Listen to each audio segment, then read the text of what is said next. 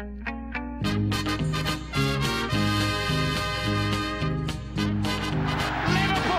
are champions of Europe again. Liverpool are prize winners again. Liverpool is in the record books.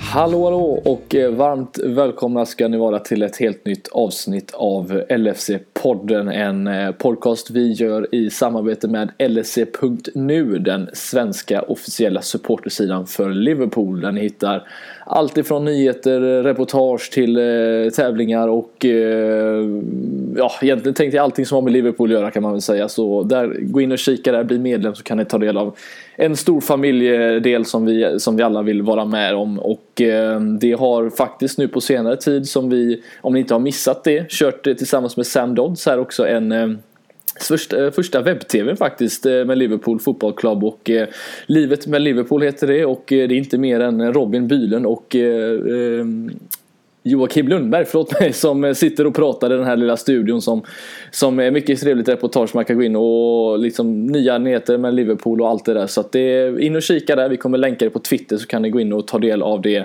Och det senaste pilotavsnittet, eller det första pilotavsnittet ska vi säga. Så att eh, mycket roligt, eh, litet magasin som man kan gå in och eh, kika på. Vi har ju inte spelat någon match ännu på sistone så att vi kommer inte prata ner någon sådan utan vi kommer istället prata lite andra stora nyheter här och eh, snacka upp inför Leicester som sker på onsdag här och eh, det ska jag göra tillsammans med Christian Andersson som sitter på andra sidan linan här och eh, jag ställer frågan hur är läget med dig? Det är bra tack. Det, det har hunnit bli nästan en hel månad på det nya året och tiden går fort och nu kommer vintern känns det som. Inte något jag kanske tycker om men annars är allting bra. Det rullar på. Mm. Ja, jag sitter också här och kollar ut genom mitt fönster här nu och ser att det, det snöar på ganska ordentligt här i Göteborg och det är Ja, nej, det känns som att eh, det går mot vår och sen går det mot vinter igen. Så, så det, det är konstigt väder. Men eh, då vi, ja, kan ju inte bli bättre än att sitta och prata Liverpool helt enkelt. Hur, eh, hur är känslan när det inte har varit match? Sitter du och får liksom abstinens här nu att det inte spelas någon fotboll för Liverpool i och med att det har varit FA-cuphelgar? Ja, det är lite tristast sidor faktiskt när det går så pass bra för oss också. Det är ju alltid, då ser man alltid fram emot matcherna. Det gör man ju alltid men givetvis när det går så pass bra och vi har, har den eh, formen vi har och allt som det innebär med att följa Liverpool i dessa dagar så vill man ju alltid att vi ska spela en helgmatch. Det är ju underbart alltid att vakna upp en, oftast en lördag och känna den här känslan kring match och man nästan bygger hela dagen kring det. Så att eh, jag skrev faktiskt en, en, liten, en liten tweet på Twitter häromdagen just att man får passa på att göra annat då som faktiskt kanske kommer lite i skymundan när det, när det är match. Att man hinner städa hela lägenheten och rensa i skåp och lådor och sån skit. så att man ändå utnyttjar dagen och då märker man liksom att ah, det är inte så kul med helgen då när inte Liverpool spelar. Så att absolut, det är alltid en liten abstinenskick där när det kommer till det. Ja, ja. Har du suttit och kollat någon FA Cup-fotboll överhuvudtaget eller har du varit helt fri när Liverpool inte spelar? Jag har faktiskt varit helt fri. Jag tänkte sätta mig ner och titta men så blev det lite andra saker som jag tog tag i. Och, och sen hade jag eh, min dotter också. Så vi var iväg på första simskolan och sådana grejer. Aj. Så det blir liksom att man, man tar och försöker prioritera rätt om man kallar det inom citationstecken. När man har ja, en, precis. För när Liverpool spelar då är hon faktiskt med och kollar lite nu och börjar komma in i det. Så då får hon lära sig. Men när det inte är Liverpool då får jag försöka göra annat. Är det så att du har lärt henne, försökt lära henne Ashley Young-diven eller är det mer Salah-sättet att hoppa? Vad har du försökt gå på? Ja, Salah. Nej, men hon det ser mest naturligt ut. Ja, men hon är duktig nu när det kommer till Liverpool. Hon är med och ropar heja Liverpool och hon undrar vilka som är spelarna. Hon vet att Allison är, är, är gubben i antingen en gul eller rosa ja, direkt och så vidare. Så att eh, hon lär sig sakta men säkert och det känns, det känns bra att man har tagit det steget och förhoppningsvis kan fortsätta på den inslagna vägen. För det är viktigt i ett faderskap att man får sina barn att förstå vad som är rätt. Ja, jo, men det är helt med. Jag är inte där än, men jag vet att det, när det väl händer så kommer det väl nog bli samma sak. Så att, nej, det är fantastiskt bra. Ja. Vi, eh, som, jag som sagt, inga match, men vi har lite andra nyheter Krille som vi, som vi ska prata om här. Det har ju eh, sipprat ut lite nyheter om, som, som det gör egentligen varje år, eh, om världens rikaste klubbar där Liverpool återigen finns med på topp 10-platsen som vi ska diskutera. Och så mm. även det här tröjavtalet som, eh, som många verkar vara väldigt intresserade intresserad av också på, på sociala medier med tanke på att eh, New Balance-avtalet snart går ut också så att det ska vi prata lite om. Men eh, jag tänkte att vi börjar i alla fall med det som, som jag nämnde där först där med världens rikaste klubba Liverpool. Nu då på en sjunde plats faktiskt. Eh, upp två placeringar sedan senaste mätningen och eh, är det någonting som förvånar dig eller känns det helt och hållet rimligt? Det känns väl ändå rimligt att vi först och främst är på listan. Det hade man väl kanske ingen tvekan på egentligen sett till det marknadsvärde som klubben har och sen att vi tar steg uppåt också ser jag heller inte som konstigt om man ser till förra säsongen och Champions League och sen även då hur man hur, hur klubben går nu då rent, rent ekonomiskt då med den, det intresse som finns kring, kring laget och klubben och allting som faktiskt rör Liverpool idag. Så det känns som att det är en stabil klättring som bara gärna får fortsätta. Mm, ja men precis. Det är ju det är faktiskt så att kollar man på den här topp 20-listan då som har kommit ut så, så, är det inte, så förstår man ju lite hur, hur stor Premier League är när man ser att lag som West Ham, eh, Newcastle och Everton dessutom ligger med på den här listan 20 eh, respektive 19 eh, och 17 plats och Lillebror ligger faktiskt på 17 plats. Och ja, drog in förra året mer pengar än vad Milan gjorde till exempel. Så det säger ändå en hel del när de inte ens är med i närheten av något av de här klubbarna att utmana någonting egentligen och drar in mm. så pass mycket pengar. Men det säger lite om de här avtalen man har och ja, hur mycket man spelar in och liknande. Så det är fantastiskt stor Premier League har varit. Men vi ligger som sagt på en stabil sjundeplats ganska nära Paris Saint-Germain och eh, Manchester City faktiskt som ligger eh, på femteplatsen där. Men eh, vi gjorde en liten jämförelse du och jag inför avsnittet vi började spela in här. Egentligen jämförelse med 08-09 säsong. Vi pratar alltså nu då en, en tio år tillbaka i tiden och intressant hur det har förändrats i, i antalet pengar och mängden pengar vi pratar här. För att på den tiden, om vi får kalla det så, så var vi ändå med och utmanade ligan. Vi var, gick väl vidare i alla fall till kvartsfinal i Champions League. Och då drog vi in strax över 200 miljoner euro 08-09 eh, och i år ligger vi på mer än 500 miljoner egentligen. Vi ligger alltså på 513 miljoner euro vilket är en eh, mm. mer än dubbelt och det är ju fantastiskt hur det har förändrats men säger det någonting bara om hur, hur marknaden har förändrats eller även hur, hur Liverpool har gått framåt här? Ja, marknaden, marknaden har ju förändrats sett till, vi pratade om det inför också, men det här med eh, rika ägare och så vidare. Och även om det så, såklart krävs att lag vinner också och skapar ett intresse för att de här pengarna ska komma in. För vinner man så blir man ju mer attraktiv på marknaden för sponsorer och för fans också för den delen i andra delar av världen om man ska vara lite mer tydlig. Så att eh, det har ju ändrats absolut och vi ser ju PSG och Man City som ligger fram, framför oss här och man kan ju säga vad man vill om dem när det kommer till eh, ägare och pengar men pengarna har ju ändå gjort att klubbarna har kunnat byggas och genom bygget har man lyckats nå framgång och framgången skördar ju sen då intäkter givetvis. Och, ja, så att på korta tider kan man faktiskt klättra väldigt snabbt på den här listan också. Det känns väl som att Liverpool har väl varit ett sånt där lag som någonstans stabilt hela tiden har tagit sig framåt på ett sunt sätt och någonting som jag värderar även om jag förstår att klimatet i fotbollen ändå kräver att man har ägare som vågar satsa givetvis. Så att, eh, nej, det är väl en stor förändring men det är ju ändå sjuka siffror vi pratar om när man tänker på tioårsperiod då att det är mer än eh, dubblat. Sett till också att det är högre löner idag och allt det där. Så att, eh, nej, men fortsätta med den stabiliteten bara som, som Liverpool som klubb så är jag jättenöjd. Så man behöver inte vinna just den listan men att man är med där uppe i toppen ändå visar att vi är ett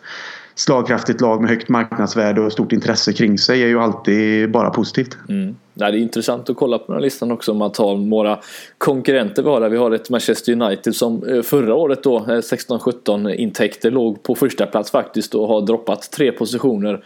Eh, drar in mindre pengar förra året än de gjorde eh, året där innan och eh, mm. Arsenal samma sak där från sjätte plats till nionde plats och även de förlorar om vi pratar förlorar pengar då eller drar in mindre året efter. Eh, skulle du säga att det bara har med att vi har blivit lite mer slagkraftiga eller finns det andra faktorer såsom Alltså vi pratat Klopp kunna dra åt sig eh, så, spelare alltifrån eh, spelare som är populära i vissa länder. Vi ser en, eh, jag vet inte om du läste nyheten till exempel med eh, Naby Keita. Man pratar om hur, hur, stor han är liksom i sitt hemland trots att han inte ens är bland de större namnen i Liverpool idag. Så märker man ändå hur stort intresse det finns bland länder utanför Europa eh, i slutändan. Tror du även de spelarna och Klopp och allt det här har en, en, en, lika stor påverkan som hur det går för oss framåt i, i tävlingar och liknande?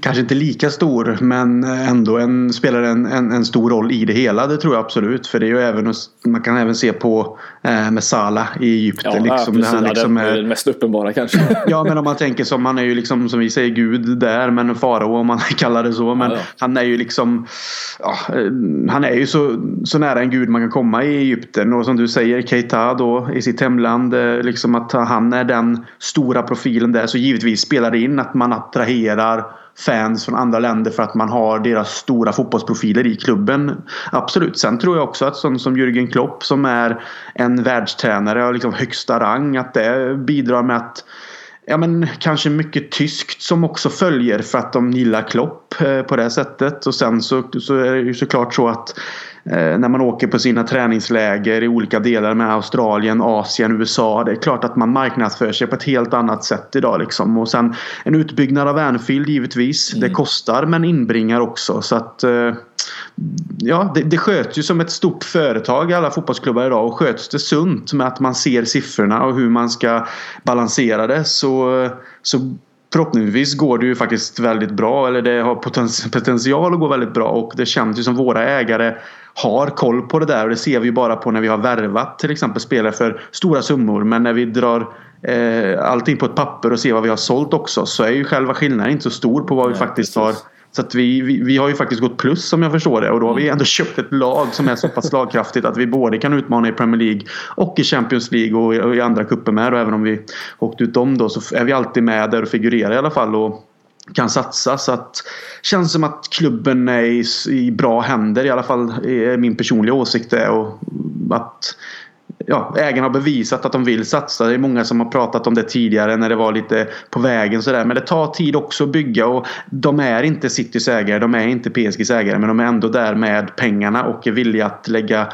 ut när det finns kvalitet och mm, ser ju bara på köpen av Alisson och van Dijk är ju liksom ett mm. bevis på det. Så att, nej, jag, jag är väldigt nöjd med hur Liverpool styrs idag. Allting från toppen ner till uh, akademier och, och allting kring uh, som är fans också till exempel. Som, en, som vi som en podcast och The Anfield Rap och allt. Att det finns så stort intresse på olika medie, mediasätt också. Så att det känns som att Liverpool är en stor familj som uh, går väldigt bra nu och det finns ett sånt stort intresse så att det är glädjefyllt i alla hörn av det. Mm. En grej som jag, som jag tror tror många kanske inte riktigt tänker på heller i den här delen. Det är ju, vi, vi vet ju hur stor del av påverkan sociala medier har av, av våra liv i, i dagens samhälle och eh, kollar man på de klubbarna exempelvis som, som syns mest, som tar mest plats så är det ju såklart de, de stora klubbarna eh, eh Barcelona, Real Madrid som tar extremt stor plats. Men en sån grej som e-sport och liknande är också grejer som, som eh, bringar in liksom, vi pratar ungdomar och liknande. Eh, tror du att Liverpool har en, en, liksom en slagkraftig del även där? Eller är det fortfarande så att Real Madrid och Barcelona, de här Manchester United, de största klubbarna i, i just det eh, i den omfattningen att, att det är de som drar in eller hur tror du Liverpool ska liksom locka nya grejer här nu för att kunna öka de här ytterligare? För att visst, gå och vinna Champions League och ligan kommer ju hjälpa dem ännu mer men kunna dra in mer vid sidan om. För det här är ju inte bara marknad eh, eller hur vi drar in med biljetter och liknande. Det är ju liksom Liverpool i sin helhet om vi får kalla det som du sa ett företag. Då. Alltså det är ju allting som har med det att göra. Eh, liksom, vad, vad är nästa steg tror du? Finns det, finns det något sånt man kan gissa sig fram till? Jag tror väl egentligen att eh, för att locka kanske både, alltså egentligen alla slags fans, både yngre som äldre egentligen, men kanske mer den yngre generationen. Eh, tror att det är bra så som klubben redan eh, har börjat med det här med att man får följa med på insidan liksom. Mm. Eh, inför och under och efter match. Att man får se lite vad som sker i spelartunneln och det är lite uppvärmning och det är lite eh, intervjuer och sånt. Att man kanske kan, man ska inte göra, man ska ju inte gå in för djupt och börja störa men att man kan göra mer inslag så att fansen eh, får mer inblick i vad som sker innanför väggarna om man säger så. Kanske även att man hade fått se eh, klipp eh, kanske från vissa utvalda träningar. Jag förstår ju att man inte vill gå ut med allting med taktiska drag och vissa saker inför matcher och sånt. Men vissa utvalda grejer och kanske ännu mer saker som klubben ändå redan gör. Det är mycket klipp med spelare som är ute på event och uppdrag och, och det är egentligen bara att fortsätta tror jag på det här sättet för att locka. Och ja, ge fansen en, en, större inblick helt enkelt. Och jag tror att det, det ligger i tiden med, med den yngre generationen med allt med sociala medier. Vad det innebär med Du har ju liksom Instagram och Snapchat och Twitter och Youtube och allting egentligen idag. Så att kan man fortsätta skapa en känsla att man får vara med. Inte bara som fan ut ifrån att man är på läktaren och ser klubben spela utan man faktiskt får följa med på vad som sker inuti klubben och lite roliga sådana händelser och att det blir mer och mer. Då tror jag att vi kan locka ännu mer unga fans. De äldre kanske skiter i det. Ja.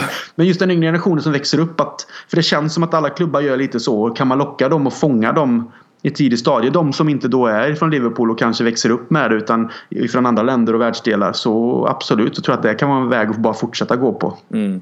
Alltså, det är intressant. Jag kan ju bara dra av egen erfarenhet. Jag hade ju för, för några år sedan kontakt med en, en man som heter Paul Rogers som jobbar inom Liverpool.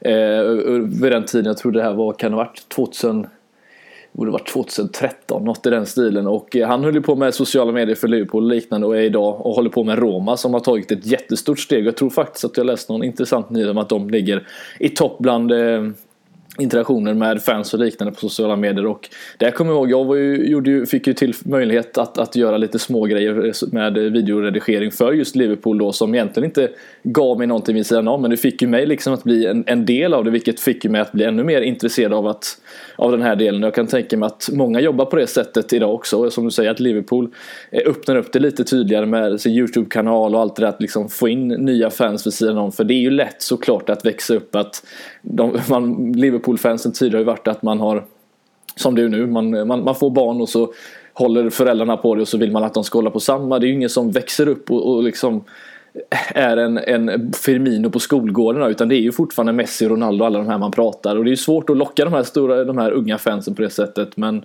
jag tror det är ett bra sätt att göra det på i alla fall för det kan ju få Liverpool att bli en, ännu mer slagkraftiga på den delen om man pratar bara intäkter att att få fler fans att bli, eh, bli involverade som inte håller på Liverpool från första början. Men det är ju svårt. Men man får väl börja vinna först kanske Krille. Det, det är väl ett sätt att och, och, och, och, ta de stegen i alla fall och liksom få, få laget på, på kartan igen som eh, vi inte varit på de senaste åren. Eh, jag tror faktiskt som du säger att säga vad man vill om det men att, att nå framgång och vinna något gör ju också att det skapar intresse för Oh, det, alltså, man kan ju aldrig beskylla någon för det så men om man ser tillbaka på min generation, jag är 86 Om man ser till många av mina vänner i umgängeskrets så var det ju mycket Manchester United när vi var små. Och det var ju för att vi växte upp under en period där Manchester United var eh, dominanta i både i Premier League och även ute i Europa också. Liksom. De var alltid med och, och slogs under en lång period. Och så att då blev det ju att många började följa dem och det är väl inte konstigt egentligen att det, att det är så. Det är ju att se tillbaks till till eh, min egen pappa som började hålla på Liverpool. Nu kanske det var precis innan eh, storhetstiden men det ändå, var ett, ändå ett lag som var på gång och som började vinna lite och som var då på utvald för att visas på tv i Sverige. Så att där började han följa just för att det var lite framgång och sen fick han möjligheten att fortsätta följa de, de stora tiderna. Liksom. Och det, det kom ju sen att smittas av på mig fast man kanske inte har upplevt samma mm. framgång Nej, även om man fått uppleva fantastiska dagar och kvällar och eh, upplevelser med Liverpool under under de här åren givetvis. Jag skulle aldrig byta bort egentligen mot någonting. De här känslorna som Liverpool skapar. Men det är så det går i arv lite. Men det är som du säger, idag väljer ju barn mycket för vad de ser och hör och vad det är någon som springer med någon tröja här. Och, alltså man blir inspirerad och influerad direkt. Så att kan man Liverpool som klubb fånga upp den yngre generationen tidigt på, genom de eh, kanaler som finns idag så är det väl egentligen bara positivt det också. Och sen får vi föräldrar sen och det vet du säkert själv sen Fredrik när du blir där. Då får vi ta vårt ansvar vad gäller att föra det vidare Precis. också. Det får, liksom, jag... får, inte bli att man liksom nej när du är 18 så är det ut på gatan bara. Precis. Nej jag hade min, min, min brorson på ett år hemma hos mig igår och brorsan håller ju på Arsenal som sagt. Och, ja, det, är, det är svårt att och man försöker så här i smyg eh, sippra in lite sådana här Mo Salah, Mo Salah running. Och så får se om han, om han fastnar på det eller inte. Men eh, ja, det, ja, något sånt får man väl göra.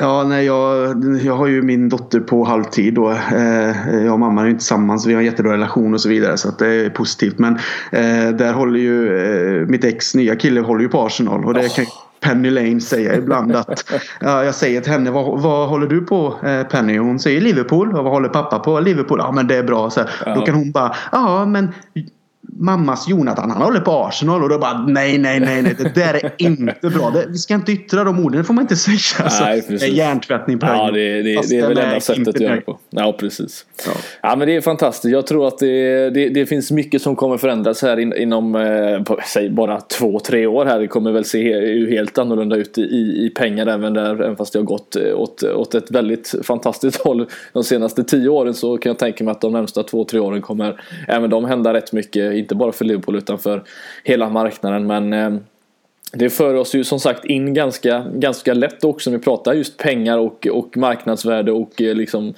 hur man eh, kan attrahera fans och liknande. Vi pratar tröjavtalet som jag nämnde förut också. Vi har ju mm. nu haft New Balance i några år som nu då avslutas. Ligger ett värderat på ungefär 57 miljoner. Nu pratar vi dollar istället. Vi är amerikanska företag här. Så att, eh, men det pratas ju fortfarande att eh, det är öppet lite för att antingen hitta nya sponsorer. Det pratats om, vi har ju varit Adidas sen tidigare. Eh, Nike har vi inte som sagt haft men eh, pratas, det är ju ganska stora pengar vi pratar här. Liverpool förväntar ju i alla fall sig lägga på, hitta någon, någon deal som skulle ligga på ungefär 96 miljoner dollar i slutändan vilket är en ganska ordentlig förhöjning i, i just det avtalet. Där. Finns det mm. Finns det något märke du känner där som skulle höja statusen ytterligare eller är det liksom skitsamma i det här slutändan? Tror du vi märker någon skillnad på det? Jag vet inte, det, som du sa det finns ju så många märken idag som ändå inbringar stora pengar så det är så svårt att veta vilken som skulle vara bäst. Men det är som du sa att eh, Nike är väl egentligen de som är de största som jag förstod det. Eh, sett till pengar. Så för Liverpools del så absolut så hade det varit en kandidat om det hade funnits intresse där givetvis. Men för egen del så jag har ju alltid gillat Adidas. Eh, tycker att de tröjorna har varit snygga och bra. Jag gillar märket också. Etablerat och starkt på det här sättet. Men såklart klubben söker ju efter märken som kan ge mest pengar. Men för mig personligen spelar det inte så stor roll. Så länge det inte blir helt bedrövliga tröjor såklart. Det ska ju finnas någon slags modeinspiration i det också. För så säljer man ju också in sig idag till de yngre. Så det ska vara snyggt. Så att, eh, nej, för mig personligen så är det skitsamma. Men eh, såklart gärna ett etablerat starkt märke som kan inbringa så mycket pengar som möjligt i klubben. Så är det inga konstigheter alls. Ja, men det just det här med New Balance då som, som är ju fortfarande ett väldigt stort företag. Eh, ja. eh, internationellt sådär. Eh, väldigt stor skillnad tror vi vad vi räknar ut? Att Nike har väl en, en, eh, värderat liksom tio gånger mer i pengar i slutändan. Och det är klart att New Balance eh, vill, har, har de en sån är de sponsorer till Liverpool exempelvis så vet vi att det, det hade gett, det ger ju dem extremt mycket eh, i slutändan. Ja, ja. och de kan mycket väl höja som sagt sitt bud in i situationstecken till, till mer pengar. Men det är klart att Nike Adidas är eh, slagkraftiga på ett annat sätt. Och eh, skulle definitivt hända väldigt mycket tror jag om man hade liksom lagt sig där. Jag är ju väldigt förtjust i, i, i Nike i sig. Jag tycker de gör de snyggaste tröjorna i slutändan. Men mm. man får ju kolla också och se hur, hur det ser ut med de andra klubbarna. Vi pratar de som ligger närmst oss i, i det fallet. Om vi pratar United som haft jättestora tröjsponsoravtal eh, på, på senare tid eller ganska, under en ganska lång period som kör då Adidas. De har ju det är det man egentligen vill minska gapet emellan som har kanske en av de största, om inte det största avtalet för tillfället.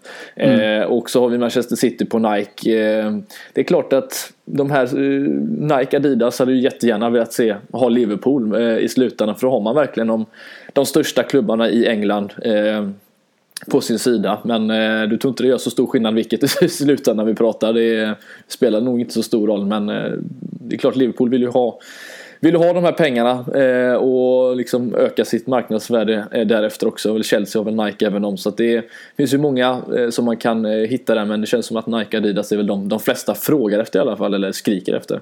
Ja, det är det ju. Sen känner man att det, det, här är ju ändå en fråga som inte på något sätt behöver stressas fram. Utan det här kommer ju vara olika avtalsförslag och allting till slut till man hittar rätt. Där det kanske upp, kommer upp till de här pengarna som du nämnde innan. De här eh, cirka 96 miljoner dollar eller runt 100 mm. kanske till och med. Så att jag menar klubben söker, har ju människor på plats som, som gör, sköter detta. Så jag menar, det är ingenting som något avtal som behöver bara hamna på bordet och bara oj det här är så dödsviktigt. Utan det handlar ju faktiskt om att hitta det märket som som eh, gör klubben eh, ja, är bäst för klubben på alla möjliga vis och som även eh, det, det, det märket eller det företaget finner att Liverpool är, en, är den bästa klubben som kan också fortsätta liksom att exponera det utåt oavsett om de även har Man United, Man City, Chelsea liksom i sin, mm. på sin lista också så är det ju som du säger att det är klart att de vill samla upp de största drakarna i ligan och jag menar Liverpool som klubb vill ju också få ut så bästa av det så att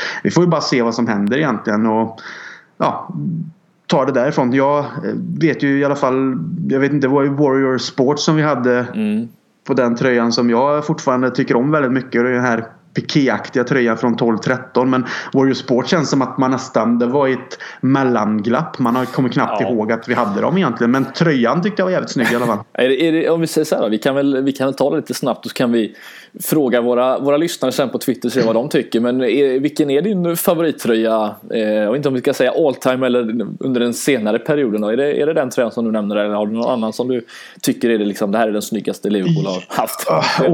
all, all time är svårt. Då behöver jag nog sätta mig ner och titta igen. För det är, det är ju så många som hela... Alltså det, det är ju sån... Eh, liksom det produceras ju nytt varje säsong nu. Det kanske inte var så riktigt om man går tillbaka lite längre eh, i tiden så man kanske behöver sätta sig ner och titta. Det finns många snygga retrotröjor från förr. Den här Candy gillar jag ju också och även längre bak. Men om jag ser till nutida då i alla fall som är inte så långt ifrån så är det nog 12-13 den som var piké. För den kändes gammaldags. Vi gick tillbaka lite i, i, i tiden men vi behöll ändå moderniseringen i dess form och med det här röda och sen det guldiga. Jag tyckte att det var det var jäkligt snyggt faktiskt. Eh, och, och väldigt enkelt liksom. Så att eh, nej, det är nog min favorit de senaste åren i alla fall. Mm. Jag har ju, jag, jag var ju, när vi var i Liverpool här under podden Away-resan så gick jag in i, i shoppen och köpte mig Candy-tröjan 89-91. Den, eh, ja, den, den är, tycker jag är kanske all time den bästa av alla. Tycker den är fantastiskt snygg. Den gråa är snygg med framförallt men jag tycker den röda är den är den snygga såklart. Målvaktströjan är inte helt fel den heller. Det har varit snyggt att se Alisson i den gröna, eh, gröna varianten där. Men eh, jag fanns tycker... väl någon eh, Crown Pints med ja, som just det, var jäkligt var... snygg. Ja, det är väl bara precis innan där tror jag. några år, ja, åren innan kan det ja, Så 87, de ligger lite i samma. tror jag den var. Eh, ja, de är också snygga faktiskt. Ja. Jag, jag tycker det är kul och, och, och med en sån här tröja. Jag tycker det hade varit fantastiskt kul att se, se Nike bli, bli sponsoren till, till Liverpool. Jag har sett mycket mycket eh, ska man säga, eh, designers på Twitter och liknande som, tycker, eh, som gör egna varianter och, och släpper ut. Tycker det finns många riktigt snygga varianter man ska kika på. Men eh, det jag tycker är, framförallt är lite intressant är ju att den fulaste tröjan vi haft är den som eh, var under Champions League eh, Istanbul-resan. är den Reebok-varianten tycker jag är fruktansvärt ful. Den eh, klarar jag inte av att kolla på. Den är Nej, den är, den är, inte, den är inte vacker får jag ändå säga.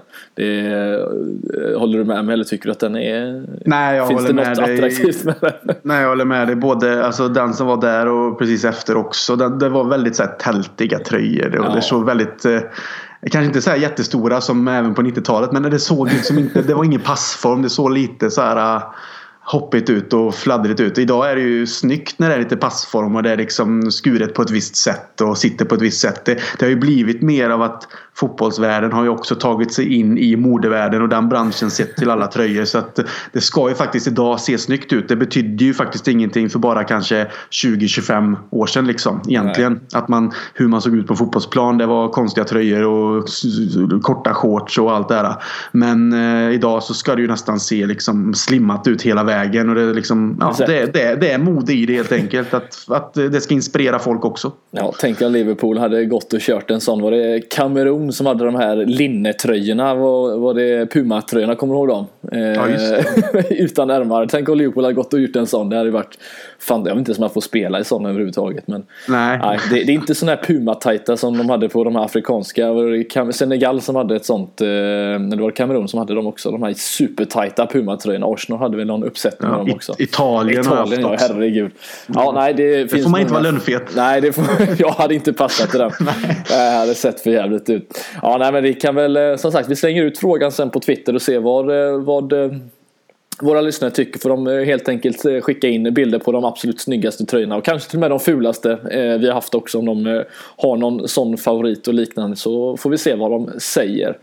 Ehm, så ja, Krille, vi, vi oss vidare i körschemat till vad som komma skall tänker jag här. Det är ju så att vi möter Leicester på onsdag här och eh, finns, det finns en hel del att prata om den matchen. Det finns alltid från skadebekymmer till förutsättningar och allt det där. Men jag tänker vi börjar väl där i alla fall med eh, skadedelen. Vi har ju varit lite skadedrabbat, även lite utvisningsdrabbat får vi kalla det nu också i och med Milners röda kort mot Crystal Palace. Och eh, vi, mm. ja, Gomes som eh, vi har pratat om, som det faktiskt för några, jag tror det var två veckor sedan, pratade om att han kanske kunde vara tillbaka till Crystal Palace-matchen. De fick flytta, ja, putta fram det lite. Eh, verkar ju inte vara tillbaka förrän i slutet av februari, början av mars nu. Eh, vilket är ett stort eh, avbräck får vi ändå säga. Eh, Lovren mm. tillbaka från en eh, ljumskskada och Trent vet vi inte heller riktigt. Han är lite osäkert fortfarande så att det är fortfarande en jobbig situation. Vi har ju på förhand i alla fall inte en riktig riktig högerback. Jag skrev på Twitter om det är Firmino exempelvis som kom spelare med tanke på att han fick gå ner och hjälpa till efter Millers utvisning. Men eh, hur, är, hur är känslan inför den här matchen eh, med tanke på skadesituationen? Jag är glad att den är på hemmaplan. Mm. Eh, bara det tycker jag ändå kan vara en fördel sett till skadesituationen också då. För eh, Leicester borta, eh, även om vi har liksom lyckats relativt bra det senaste så känns det ändå som en sån där match som skulle kunna störa ordentligt. Särskilt då när vi har lite avbräck. Så att jag, jag är glad att vi spelar mot Leicester hemma i den här perioden som är just nu. Eh, både vad gäller eh, väder och vind om man säger så. Mm. Men också eh, sett till skadesituationen med avstängningar också. Då. Så att, eh, känslan är ändå okej. Okay, men jag tycker att det är lite jobbigt det här med backlinjen. Men jag tror, alltså jag tror ändå att det är någonting vi kan lösa. Vi har ändå manskapet. Sen är det tråkigt det här med att Gomes eh, skada verkar vara allvarligare än vad de först befarade. Och att han missar lite längre tid. För han var ju ändå en spelare som från början spelade in sig. Vi har hyllat honom flera gånger i podden. Och han är fortfarande fortfarande ung och han har ju allting. Så man vill ju egentligen bara att han ska bygga det där stabila mittbacksparet som de började med han och van Dijk. Mm. Och det tycker jag är tråkigt. Men vi har fortfarande spelare som kan göra det där jobbet. Så att eh, vi får se lite hur vi kommer ställa upp. Jag vet ju inte hur tankarna går riktigt med, som du sa, Milner är avstängd. Trent är Trent, fortfarande... alltså, Det finns ju många som tror att Trent kan vara tillbaka. Det har ju varit lite mm, osäkert mm, men, honom. Ju, eh. men för mig är det lite där, vågar man, vågar man liksom chansa med det direkt? Eh, även om han är tillbaka. Det, jag, är, jag är så rädd att det blir liksom en ja. backlash på, mm. på en skada som precis har varit. Att du, liksom, du kastas in i det för fort igen. För jag menar på en träning du kan träna för fullt men matchsituationer skapar ju andra situationer där du inte kan hålla tillbaka i vissa lägen och då kan det ju vara så att du slår upp en skada eller ja, så att jag det, är, det är lite det jag känner om men vi har ju pratat om att en Fabinho kan gå ner och spela högerback ja, också och för Brasilien precis, och så vidare så att det finns ju spelarna där till ja. att göra det. Ja, jag tänkte precis nämna det också. Det är, det är ju så att har vi, Wijnaldum har ju varit skadad även han eh, och verkar som att han eh, kan vara aktuell också som sagt. Om, eh, Klopp sa väl att han, han är, det, det, är bättre med honom nu och han behöver någon träning mer innan man kan se på, till 100% om han är med eller inte. Men är han tillbaka och vi säger ett mittfält och vi i alla fall kan skrapa ihop ett mittfält av Keita, Henderson och, och Wijnaldum exempelvis. Mm alternativt Shakiri beroende på hur man vill bygga ihop det så ser jag väl absolut att jag kan tänka mig Fabinho spela, spela eh, högerback. Jag ser ju hellre det än att en Camacho kommer in och och, och ska ta det jobbet eh, och troligtvis vara möta en Demar Gray eller något i den stilen vilket Mm. inte lika jobbigt som en Zaha men fortfarande väldigt jobbig spelare att möta. Så att, eh, eh Jag inte som du, som du säger lite, tycker det är jobbigt att vi har just eh, den här känslan. Vi såg ju hur, hur det såg ut mot Crystal Palace där vi såg försvarsmässigt lite virriga ut och det har vi inte gjort på länge men som sagt många nya spelare. Ibland har de inte spelat tillsammans med varandra särskilt mycket så att det, det har ju sin påverkan i slutändan ändå.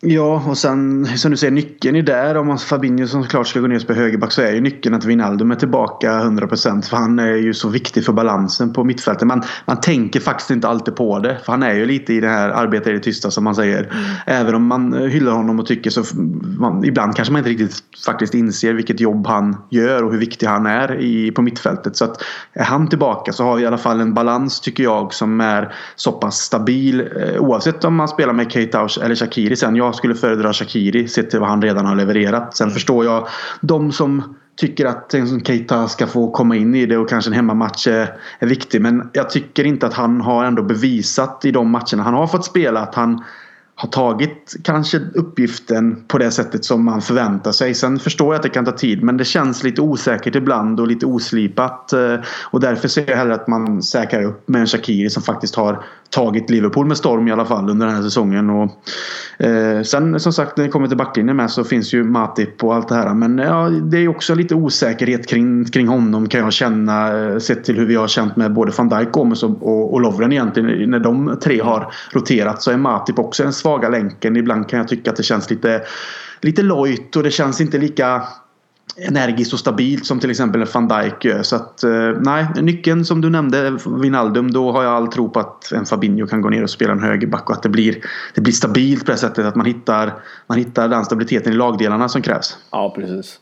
Ja, Leicester kom ju, kom ju som sagt eh, till, till Liverpool med eh, lite bättre förutsättningar om vi kommer just till, till skador. Det var egentligen bara Maguire som som eh, är lite ovisst. De eh, möter väl, om jag inte miss, missat det helt och hållet här nu, United matchen efter och vilket, på hemmaplan dessutom, vilket känns som att jag tror de kan klara sig utan honom i slutet. Jag vet inte om de heller riskerar men eh, eh, Maguire eller inte, Leicester kom ju som sagt mot storlagen de senaste matcherna i alla fall mot Chelsea och City så har de ju faktiskt vunnit båda de matcherna. De slog ju Chelsea på bortaplan och City hemma veckan efter vilket Mm. Ändå säger en hel del om det Leicester. Det är inte titelvinnande Leicester fortfarande men det är ändå ett, ett Leicester med fantastiskt bra spelare. Eh, du har en Vardy där uppe exempelvis som, som vi vet är snabbast i ligan nästan. Och, eh, de blixtrar till då och då. Blixtrar till och det gjorde han ju mot Chelsea exempelvis. Och det som du sa där med hemmaplan, absolut är det skönt så sett men eh, vi brukar eh, spela med lite högre backlinje.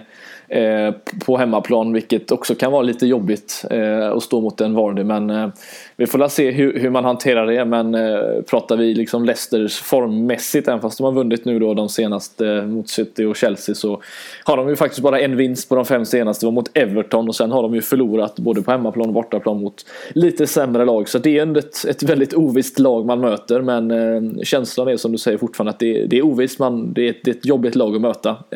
de kan ställa till det ganska ordentligt. Men eh, är de tre där framme på humör som de, var, som de varit och gjort mål de senaste matcherna så finns det absolut en chans att vi går vinnande ur här. För det är tre poäng och ingenting annat, Krille, eller hur?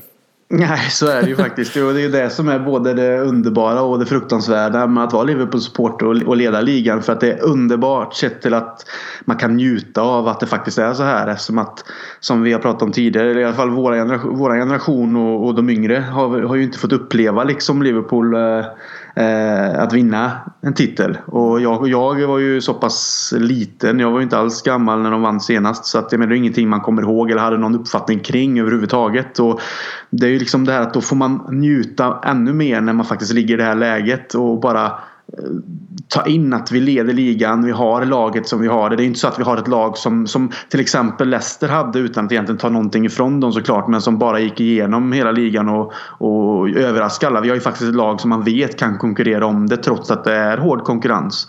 Samtidigt är det fruktansvärt i det här läget just att det är tre poäng och du får egentligen inte tappa poäng i en sån här match. Det är liksom en kuppfinal varenda gång man spelar nu. För du vet att City har redan åkt på de här plumparna och vi såklart förlorar mot City men det tar man väl inte i så stor beaktning sett till att det var City. Det är inte där vi vinner ligan som Robin Bylund så snyggt skrev i sin krönika liksom.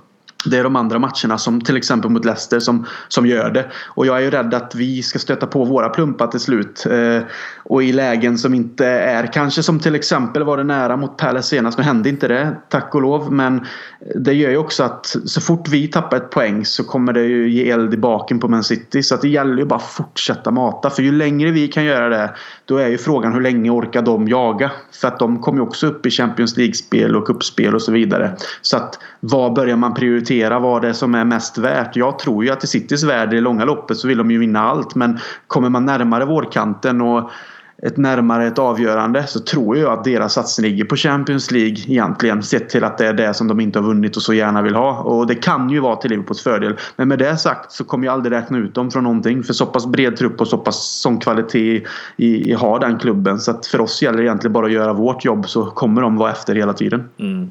Ja, men det som är, lite jobbigt att sitta jag sitter och kollar på de uppkommande matcherna här och det är ju som sagt Leicester på, på onsdag sen är det West Ham borta på måndag den 4 februari.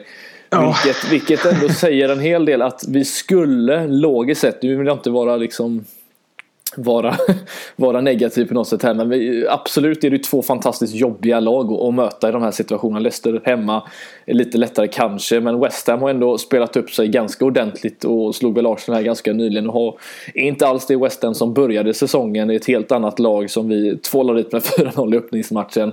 Eh, men vi, absolut skulle vi kunna sitta här eh, om en vecka och då ligger vi plötsligt efter City om, om vi inte gör vårt jobb i slutändan. För att de ligger bara fyra poäng bakom en förlust och något kryss här och där så, så är de liksom förbi sen. För jag tror inte de kommer tappa så mycket poäng eh, heller därefter. Jag tror de, de har väl haft sin lilla sitt ja, lilla tapp här ganska, det... ganska nyligen känns det som. Och det är ju bara att se vad de går och gör i kupper. Alltså, de har så pass bra spelare att de kan vila De Bruyne, Silva ibland.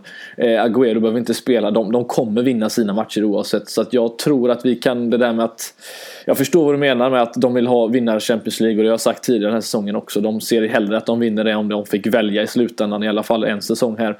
Eh, men de har så pass bra spelare, så pass överlägsna att det tar inte på krafterna på dem att spela på samma sätt som det gör för oss. Eh, skulle jag säga. Vi har inte lika bred kvalitetstrupp som de har. Så det, Nej, det är, det är en jobbig lite... situation. Ja, men det är lite som du säger där också som man tänker nu att de har haft, de åkt på sina förluster som man inte räknade med. Mm. Där man bara liksom knöt näven och bara yes för vi vann och de förlorade matcher som man trodde att de skulle gå och vinna med flera mål. Liksom.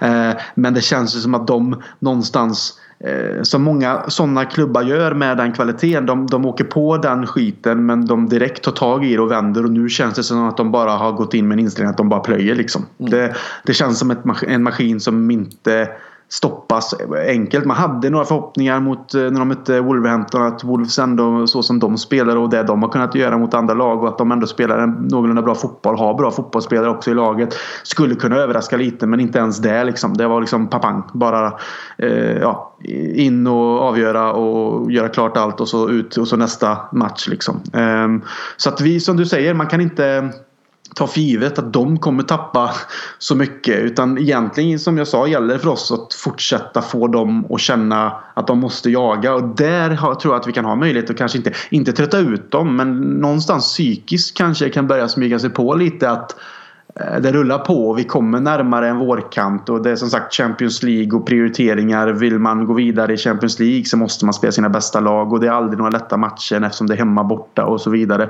Hur långt kan man då pusha dem att psykiskt känna att orka med. Förstår du? Jag vet mm. inte det här. Jag är inte insatt i sportpsykologi på det sättet. Men jag, jag kan tänka mig ändå att det är en jävla kraftmätning. Och till exempel se Liverpool vinna till exempel som mot Palace, sån match. Och känna att det var så nära att de tappade poäng och vi hade kunnat ta in lite. Men nu gjorde de inte det och så fortsätta så. Säg att vi nu kan vinna mot Leicester och förhoppningsvis West Ham också. Och liksom fortsätta bara visa att vi vill vara med. Vi kommer liksom inte ge er så mycket möjligheter heller. Utan likt ni fortsätter att mata på så gör vi det också. Då undrar jag hur man som jagande lag eh, orkar i det långa loppet. Det hade varit rätt intressant faktiskt. att, Mm och, och, veta mer kring de tankarna. Hur faktiskt spelare och managers och alla inom eh, en klubb tänker just när man vet att det, det, krävs att det andra laget förlorar för att vi ändå ska ta oss förbi och då måste vi själva göra jobbet. Så det, det, ska bli intressant att följa den här eh, det här eh, vad säger man, loppet som ändå kommer pågå framåt nu. Och vi kan ju börja med att bara ta tre poäng mot eh, Leicester. Det, det känns som en bra lösning. För, ja. Men City som sagt de har ju också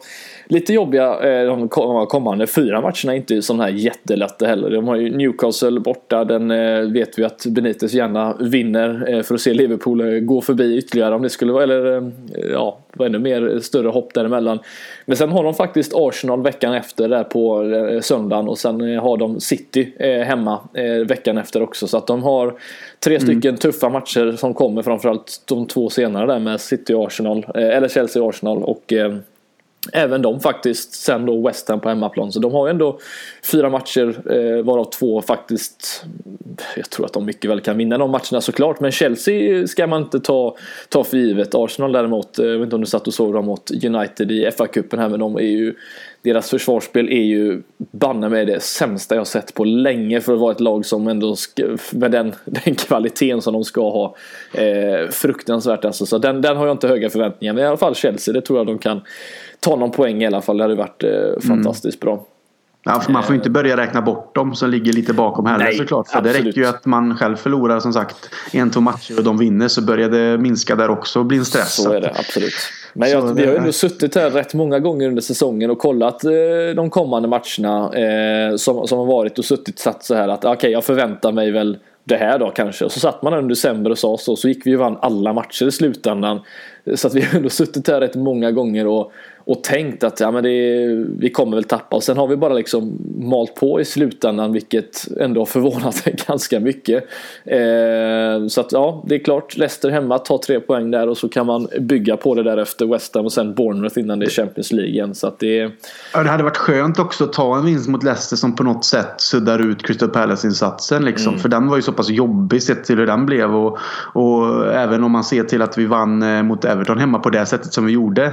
Det är ju sådana vinster som gör att man eh, vinner en, en serie. Alltså, mm. Det är sådana vinster som man kanske bara egentligen inte i alla fall Everton-matchen inte fanns på kartan sett till hur den, Man var egentligen inställd på att ja, man får acceptera att det blev som det blev. Men vi vann den, tog de tre poängen och det är då kanske de tre poängen som kan vara avgörande i långa loppet. Men eh, Eh, nej, det gäller egentligen bara som du säger att mata på. Kan vi fortsätta med det fram till Champions League igen så eh, ser det väldigt ljust ut. Ja, absolut.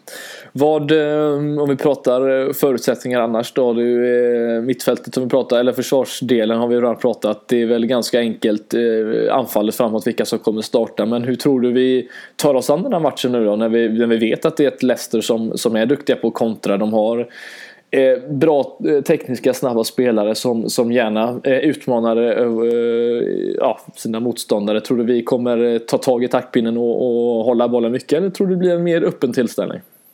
Jag hoppas ju att vi ska ha, ha bollen mycket och spela vårt spel och inte låta dem egentligen ha bollen så mycket och sen att vi ändå är påpassliga på kontringarna, att vi vet om det. Liksom att ja, om, när de vinner boll eller var de nu än får boll såklart så att säga så vet vi om att det finns en vardag och det finns en, en snabbhet i det laget med, med kontringar med utmanande spelare. Så att ja, vi är på hemmaplan. Liverpool ska liksom inte vara rädda för några egentligen utan man ska gå ut och spela sitt spel, hålla bollen, hitta lösningarna och förhoppningsvis kunna göra relativt snabba tidiga mål. Liksom, det är ju det som man någonstans kan känna att kan vi göra det jobbet tycker jag. Liksom, vi har alla kvaliteter för att göra det. Vi har det lugnet i laget idag att kunna göra det utan att stressa också. Jag säger inte att målet måste komma efter 3, 5, 10 minuter men att man, man går ut och tar tag i det och att man kanske får in en boll i alla fall under det första halvlek. Kanske två som gör att Leicester egentligen tappar Mm. Eh, motivationen. Jag tror, jag tror det är så man egentligen lättast vinner mot sånt lag. För ju längre tiden går desto mer krafter tror jag ändå att de kan få. Eh, med tanke på att vi har inte gjort mål och de vet att det finns möjligheter till kontringar när de vinner boll. Och det räcker ju egentligen med att lite, vara lite, eh, att man inte är påpasslig, tappar koncentrationen och en sån som Vardy sticker igenom. Och då, då kan det straffa sig. Så att jag vill ju gärna att vi bara går ut och tar tag i hela matchen och sen avgör den ju relativt snabbt på ett sätt som gör att de inte orkar med liksom, att eh, komma tillbaka. Det är så jag ser att Det är lätt att säga men det är så jag ser att man kan köra över Leicester på, ett, eh, på det bästa sättet om man kan lyckas i alla fall göra det. För som sagt, ju längre tiden går desto större chans tror jag att de känner att de har någonting att ta med sig från matchen och det är det som då eh, gör att vi kanske blir lite nerviga och gör bort oss. Mm. Ja, de kom ju från en, en liten intressant match som jag satt och kollade på. Där de eh, låg under mot Wolves på bortaplan med 2-0 och tog ikapp det 2-2. Eh, 2-0 underläge till 2-2. Mm. Eh, och sen släppte de visserligen in ett och, och kvitterade till 3-3 90 ungefär och innan de släppte in ett tror, ja men hör och häpna, en kontring i 95 minuten. Ja, när du, det vill vi inte vara med om. Nej, sån match igen. Eh, nej men liksom, det, det, är ett lag som, eh, jag såg på, på Claude Puel att han, eh, han var inte glad med den efter det målet. Det var som sagt matchens absolut sista spark mer eller mindre. Och, och du släpper in en kontring eh, till 4-3 vilket är är bedrövligt så sett. Men de, ja, jag tror att eh, de eh, absolut känner att när det är Liverpool som står på andra sidan så, så tror jag det blir ett helt annat lag och de kommer Troligtvis, eh, i alla fall en Vardy behöver inte lika många chanser som vi ofta behöver känns det som. Så att han kommer vara sylvass tror jag om, om han får chansen. Så det, nej, det gäller att vara på tårna i alla fall. Det, det är väl helt klart. Vad, Innan vi lägger på här för det här avsnittet så ska jag ju såklart låta dig också liksom snabbt tippa vad du tror matchen slutar här på, på onsdag kväll. Uh, direkta känslan säger 3-1 till Liverpool. Mm. Du, du eh, släpper in mål, mål efter mål här nu känner du. Mm, ja men vi har, vi har ju lite det här att vi inte har den här backlinjen och vi har lite skador. Vi, beroende på lite med Wijnaldum så. Men jag, jag tror att vi kan eh, ja, tyvärr släppa in ett på grund av sådana delar. Liksom, men det är ju magkänslan bara. Tre är fortfarande vi, vi, tre poäng. Ja, vi gör fortfarande stabilt men vi råkar släppa in ett mål. Men inte mer med det. Det är den känslan jag har. Jag är inte så att jag är liksom mer rädd för det. Men jag håller vi nollan så är jag jätteglad. Men min magkänsla bara direkt säger 3-1. Ja, nej, men det är taget. Jag tror väl på 2-1. En lite tajtare tillställning. Jag tror att vi kommer eh, gnida, ut en, en ytterligare en sån här jobbig trea i slutändan. Ah, är man helt slut på torsdagen? Ja, det känns så. Men nej, jag tror att det blir tajtare än vad man tror. Så att, eh, får gärna motbevisa mig och vinna med 5-0 något sånt där. Men nej, 2-1 tror jag på. Så att det känns mer logiskt kanske. Eh, det var allting för idag Krille. Eh, om inte mm. du har någonting annat som du eh, känner att vi måste ta upp innan vi lägger på här. Nej, inte mer än att som sagt inte glömma att kika in på Livet med Liverpool ja, med Robin och Jocke. Eh, på eh, ja, sociala medier och även på Youtube då och följa det. Det kommer ju vara ett månadsmagasin som är tanken nu i starten. Att kolla på det för att få det att rulla igång och spread the word som man säger. Och sen är det ju även givetvis så att vi kan, som vi sa här innan vi pratade tröjor. Det är givetvis kul om man går in och kanske postar eh, på vår Twitter bild eller bara med text vilken tröja och mm. vilket upplaga man tyckte var snyggast eller fulast under åren och kanske roligare att ta de ja, 10, 20, 30 senaste åren i alla fall då om man ser till kanske våra följare. Man får ta vad man vill men det kanske är en mer igenkänningsfaktor från folk då på de tröjorna. Så det är väl det jag kan avsluta med att eh, fortsätta att eh, kontakta oss genom sociala medier och tyck till, det är alltid roligt. Det tycker jag låter som en mycket bra idé. Så Tack så jättemycket för att ni har lyssnat allihopa och eh, hoppas vi tar tre poäng här på onsdag så eh, hörs vi eh, snart igen.